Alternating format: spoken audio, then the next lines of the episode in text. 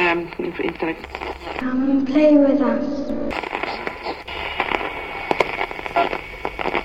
Red rum, red rum.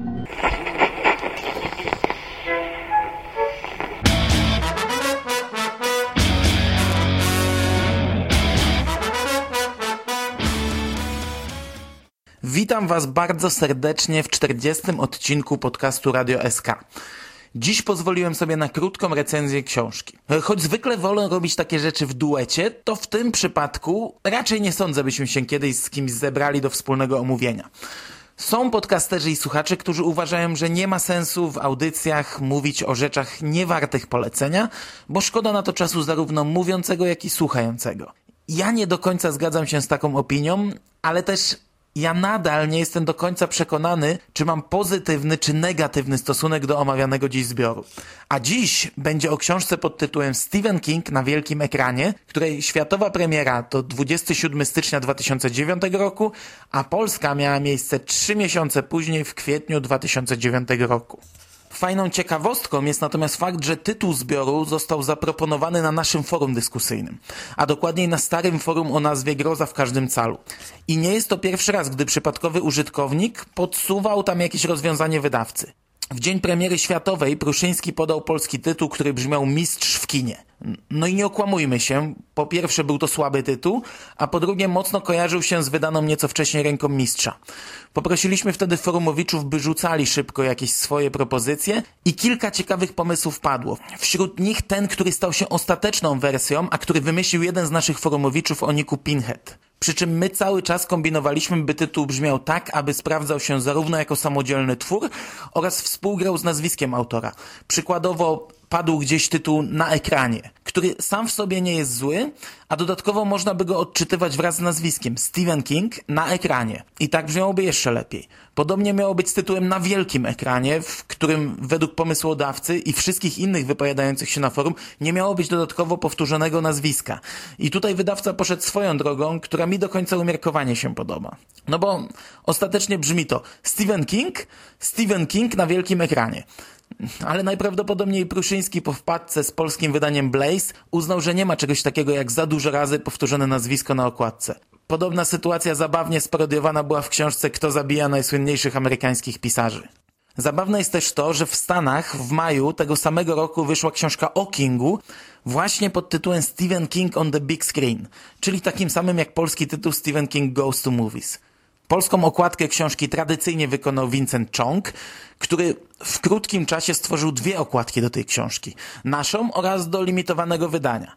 Ta druga ukazała się w nakładzie 2000 egzemplarzy w cenie 75 dolarów. Grafik stworzył też pięć fikcyjnych plakatów do filmów, których pierwowzory literackie znalazły się w zbiorze oraz grafiki przedstawiające wejście i wyjście do starego kina, na którego ścianach zawieszone są właśnie te plakaty. No i trzeba przyznać, że prezentuje się to niesamowicie. Nie miałem przyjemności oglądać na żywo, ale grafiki, które przesłał nam Vincent wyglądają po prostu genialnie. Często lepiej niż prawdziwe filmowe plakaty. Polska okładka jest ok, ale tak szczerze, to zaraz po premierze byłem nią zachwycony. Teraz jest po prostu fajną grafiką. Co zaskakujące, choć sama książka była prawie w 100% odgrzewanym kotletem, wiele nie różniącym się od zwykłego wznowienia, to wydawca przygotował normalną, dużą promocję, jak przy każdej kingowej premierze. Czyli billboardy w większych miastach, dwa rodzaje plakatów i silna promocja w internecie. Swoją drogą plakaty i billboardy miały genialny slogan reklamowy, który brzmiał King pisany z wykrzyknikiem, lub Nowy King, również pisany z wykrzyknikiem. Nie wiem, czy w ten sposób wydawca chciał koniecznie podkreślić, że jest to nowa książka, co naprawdę stanowi bardzo umowne i naciągane określenie. Tak czy inaczej zabawnie wyglądają plakaty ze sloganem King, pod którym jest autor Stephen King oraz tytuł Stephen King na wielkim ekranie. Wydawca bardzo subtelnie daje nam do zrozumienia, że jest to książka Kinga. I teraz najważniejsze. Czym w ogóle jest ta książka? Odpowiednikiem muzycznej składanki. Po co powstała? Nie wiem. Znaczy, no dla zarobku, ale ten Kingowi akurat jest zbędny i to nie jest tylko pusty frazes. A naprawdę, King przekazuje kupę kasy na różne cele charytatywne, o czym my zwykle nie wiedzieć czemu nie piszemy. I ogólnie chyba żaden Kingowy serwis na świecie nie pisze. Gdzieś kiedyś coś King mówił, że ta książka była pomysłem wydawcy. Ale no losie, to nie jest pierwszy lepszy pisarzyk, któremu wydawca narzuca, co ma wydawać. Pierwsze zapowiedzi zwiastowały nam coś świetnego. Pisało się, że będzie to książka poświęcona pięciu ekranizacjom tekstów Stephena Kinga, natomiast sam Stephen King będzie autorem wstępu, osobistych komentarzy i ciekawostek z planów filmowych. Z tym, że w pierwszej zapowiedzi nie było mowy, że będzie to zbiór opowiadań. I wszyscy oczekiwali książki non-fiction. Jakoś pół roku później z kolejnej zapowiedzi dowiedzieliśmy się, że ma to być zbiór opowiadań, ale nadal nie było wiadomo o jakich wstępach, komentarzach i ciekawostkach tu mówimy, bo każdy sklep podawał inną ilość stron, przy czym był to margines błędu 200 stron, więc w razie czego można się było spodziewać czegoś konkretniejszego. Niestety okazało się, że to jedne z najkrótszych wstępów przygotowanych przez Kinga, jednak polski wydawca nie poddawał się i w opisie książki mamy, cytuję, przed każdym z tekstów czytelnik znajdzie krótki, fascynujący komentarz pisarza, osobisty i pełen informacji spoza planu filmowego. No niestety i tutaj jest mocno przekoloryzowana informacja, gdyż są to jedne ze słabszych wstępów autora, sprawiające momentami wrażenie napisanych na kolanie, byleby coś tam napisać. Ja należę do tych fanatyków, którzy dla dodatkowego wstępu, nawet jeśli ten ograniczyłby się do połowy strony, a niestety i takie tutaj znajdziemy, jestem w stanie kupić sobie kolejny egzemplarz książki od ręki. Jestem najlepszym odbiorcą z punktu widzenia Kinga czy jego wydawców, bo wystarczy, że ten pierwszy zmieni albo dopisze dwa zdania, a ten drugi poprawi przekład albo nawet da nową okładkę, a ja wyskakuję z forsy.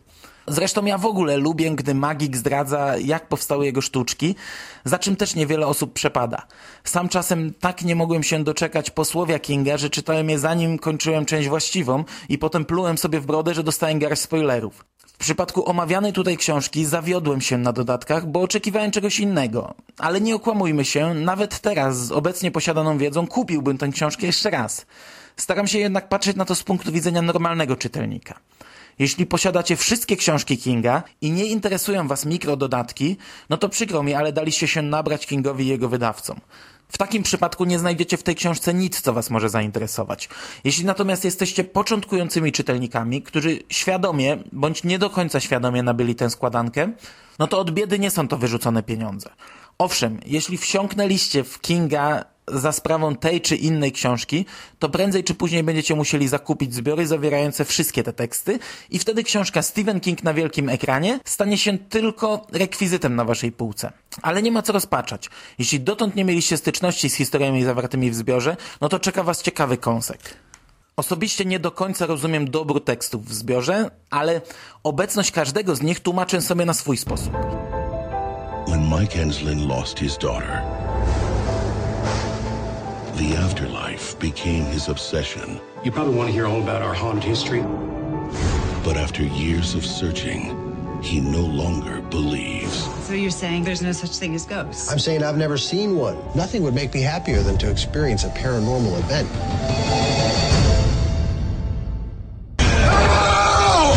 Based on a story by Stephen King. Did you call the cops? They're in 1408. The room's empty. Daddy? Don't you love me anymore? Pierwszym opowiadaniem jest 1408 ze zbioru Wszystko jest względne i trzy lata temu, gdy wchodziła ta książka, był to dla mnie wybór oczywisty. Teraz już nieco mniej.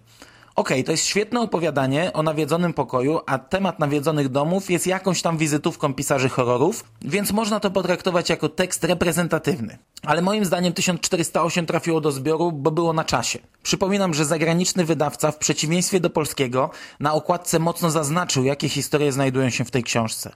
To było krótko po premierze kinowej 1408 i Mgły, i wtedy o tych filmach było głośno. Mgła automatycznie odpada, bo Darabont zrobił już wcześniej lepsze ekranizacje, więc postawiono na 1408. We wstępie King opowiada historię powstania tego tekstu, a ta jest doskonale znana czytelnikom, choćby jak pisać, czy też zbioru Wszystko jest względne. Choć jak ktoś nie czytał tych książek, to dowie się kilku fajnych ciekawostek.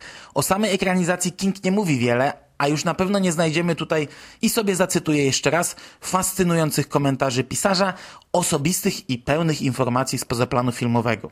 Szczególnie, że King nie uczestniczył w produkcji tego filmu.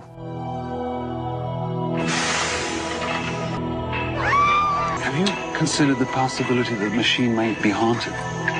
Three modern masters of horror have just created the ultimate machine. for terror.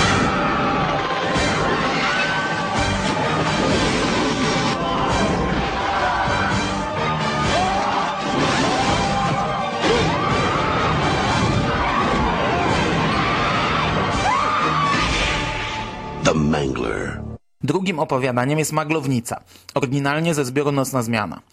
Ja nie jestem fanem ani opowiadania, ani filmu, choć też nie należę do jakichś fanatycznych przeciwników. Ta ekranizacja to jest taki słabiutki horrorek klasy B z wieloma znanymi w środowisku nazwiskami. Nie uważam, by opowiadanie było godną wizytówką dla Kinga, ale patrząc pod kątem ekranizacji, jest to po pierwsze urozmaicenie, a po drugie, Maglownica jest doskonałym przedstawicielem ogromnej grupy tandetnych horrorów, które w pewien sposób zdefiniowały twórczość Kinga, a ten się najwyraźniej nie odcina od tej gałęzi, choć jednocześnie bardzo subtelnie, owijając w bawełnę i nie nazywając rzeczy po imieniu, pisze, że film jest do dupy. Historia opowiadania, którą King serwuje we wstępie, ponownie jest doskonale znana czytelnikom, jak pisać pamiętnik rzemieślnika. Might have a job for you, kiddo. Want you keep your eyes open. For what? Fellows who are dangerous. So what do they look like? Well, they wear dark clothes, dark hats. They're kind of faceless. What they want is me, back under their control. Don't worry. I won't let the boogeyman get you.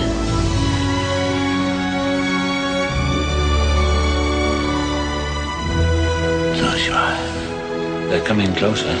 Just listen to my voice. I don't want you to go. Tell me what you see.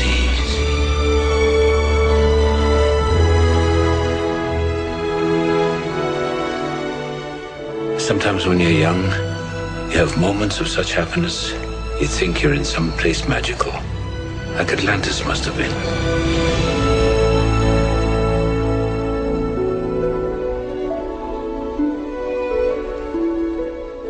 Trzeci tekst to Mali ludzie w żółtych płaszczach. I tutaj trochę się wraz z wydawcą głowiliśmy nad tytułami. No bo wstęp powinien mieć tytuł filmu, a część właściwa tytuł noweli Kinga. W tym przypadku jednak tytuł noweli, a, a w zasadzie mini powieści, to Mali ludzie w żółtych płaszczach, a tekst pochodzi ze zbioru Serca Atlantydów. Film na jego podstawie ma tytuł Serca Atlantydów, mimo że zupełnie inne opowiadanie pod tym tytułem także znajduje się w zbiorze. I to jest chyba jedyny taki przypadek w tytułach ekranizacji. Dodatkowo w Polsce tytuł filmu jest inny. Zamiast Serca Atlantydów mamy Kraina Wiecznego Szczęścia, co też jest nietypowym zjawiskiem, bo w Polsce jest silna relacja między tytułami filmów i książek. Przykładowo ktoś kiedyś na VHS wymyślił tytuł Strefa Śmierci zamiast Martwa Strefa i to pokutowało przez lata na kolejnych książkowych wznowieniach. Ale też zachodzi relacja w drugą stronę i przykładowo błędnie przetłumaczony tytuł książki Łowca Snów zamiast Łapacz Snów y, przeszedł potem na film. Tutaj natomiast mamy kompletną samowolkę i wydawca musiał porobić wstawki i przypisy, a ja miałem niezły ubaw, jakim tłumaczyłem w mailu, co jest polskim tytułem, co zagranicznym, co jest tytułem książki, a co opowiadania. Samą nowelkę ja ubóstwiam. Zresztą podobnie jak cały zbiór Serca Atlantydów. To jest mój drugi King w prywatnym rankingu i jego pozycja jest raczej niezagrożona. Nie chcę zbyt mocno się zagłębiać, bo mam nadzieję kiedyś zrobić jeszcze cały podcast o tej książce, ale ogólnie dla mnie to jest chyba najjaśniejszy punkt tej książki, choć uważam, że bez sensu jest to czytać w oderwaniu od całości. Sam King poświęca w zasadzie cały wstęp na swoje wywody na temat ekranizacji, że ta jest dobra, ale nie do końca się broni przez choćby silne nawiązania do Mrocznej Wieży, które są w oryginale, a w filmie siłą rzeczy musiały zniknąć.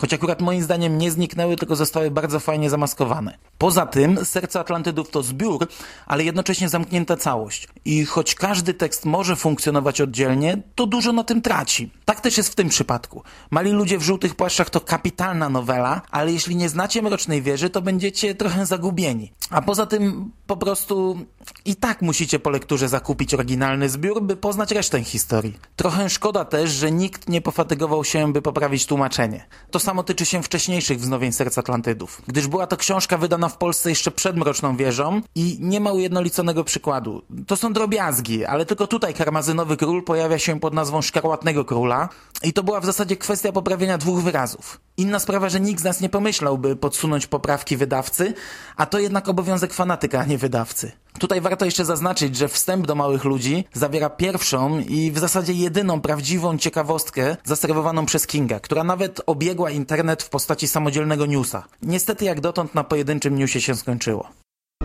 By the power vested in me by the state of Maine, I hereby order you to serve two life sentences back to back, one for each of your victims. So be it.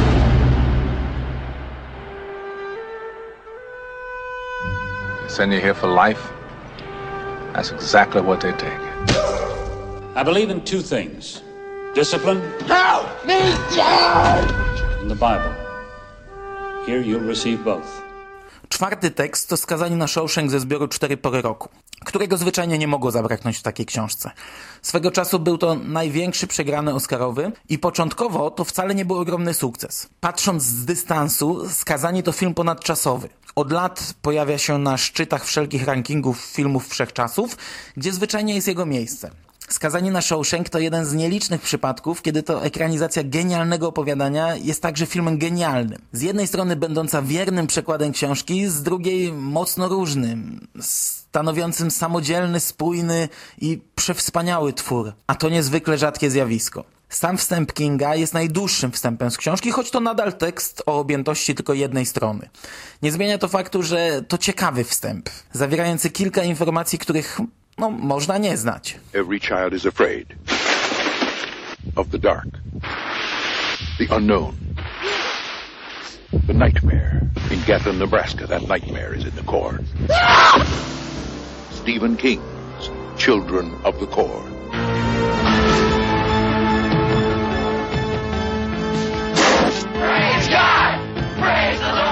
Na zakończenie pozostało coś, czego również nie mogło zabraknąć w tego typu książce, a mianowicie Dzieci Kukurydzy ze zbioru Nocna Zmiana. Ja już w tym podcaście powiedziałem wiele na temat Dzieci Kukurydzy. Więc tutaj krótko. Świetne opowiadanie, dające początek najdłuższego B-klasowego horrorowego tasiemca wśród ekranizacji i filmów inspirowanych tekstami Kinga. Cała seria to dno, muł i wodorosty, ale jest to też coś, co jakoś tam zapisało się w historii gatunku, więc zasługuje na podkreślenie. A że pierwowzór literacki jest akurat naprawdę dobry i krótki, to zapoznanie się z nim powinno być raczej przyjemnością. Sam King natomiast, zapytany jakiś czas temu o filmy na podstawie swoich tekstów, powiedział Czasem jest dobrze, a czasem wyjdą dzieci kukurydzy. Na koniec kilka słów podsumowania. Z jednej strony liczyłem na coś zupełnie innego i mocno się zawiodłem. Poza tym uważam, że książka nie do końca spełnia swoje założenia. Czy to spojrzenia na filmowego Kinga, czy odegrania takiego Kinga w pigułce dla laików. No chyba, że ja świadomie sam próbuję przypisać tej książce jakiś cel, pomijając najbardziej oczywisty fakt finansowy. Z drugiej strony jednak zawartość zbioru jest dobra. To są fajne, ciekawe, a czasem genialne, a do tego zróżnicowane teksty, choć sam ich dobór nie zawsze jest przemyślany i trafiony. Bardzo żałuję też, że nie pokuszono się o coś więcej. Skoro King już usiadł do napisania tych wstępów, to czemu zrobił to po linii najniższego oporu? Gdyby książka była dłuższa nawet o 20 stron, to już nie byłoby mojego marudzenia. Gdyby rozwinąć ją o 100 stron, nawet ostatecznie nie tylko w wykonaniu Kinga, a innych osób związanych z filmami, to nie byłbym w ogóle rozczarowany. Osobiście nie mam prawa czuć się oszukanym, bo ani sam nie kupiłem książki, ani nie zostałem wyprowadzony w pole. Choć jeśli ktoś to kiedyś wznowi, to kupię, bo już raczej patronackiego egzemplarza nie dostanę. Zresztą nawet sam serwis StephenKing.pl objął to w końcu patronatem medialnym i choć często jest to automat, że dane serwisy obejmują patronatem konkretne książki, to ja się nie wyrzekam tego. Polecam zawartość tego zbioru i będę polecał nadal. Warto jednak być świadomym wcześniej, co się kupuje, by nie dublować zawartości swojej biblioteczki. Chyba, że ktoś z przypadku sięga po Kinga, a teoretycznie do takich osób jest to skierowane. Ja ostrzegam, by potem nie żałować, a jednocześnie bardzo polecam konkretne teksty i oryginalne zbiory, w których się znalazły.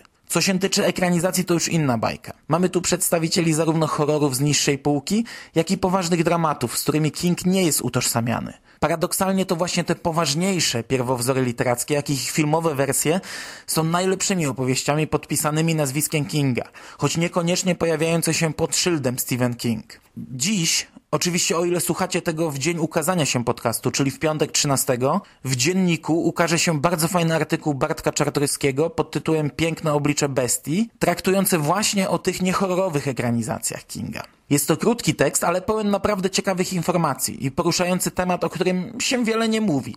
Ja czytałem z wielką przyjemnością i bardzo polecam. Tymczasem na dziś żegnam się z Wami. Do usłyszenia.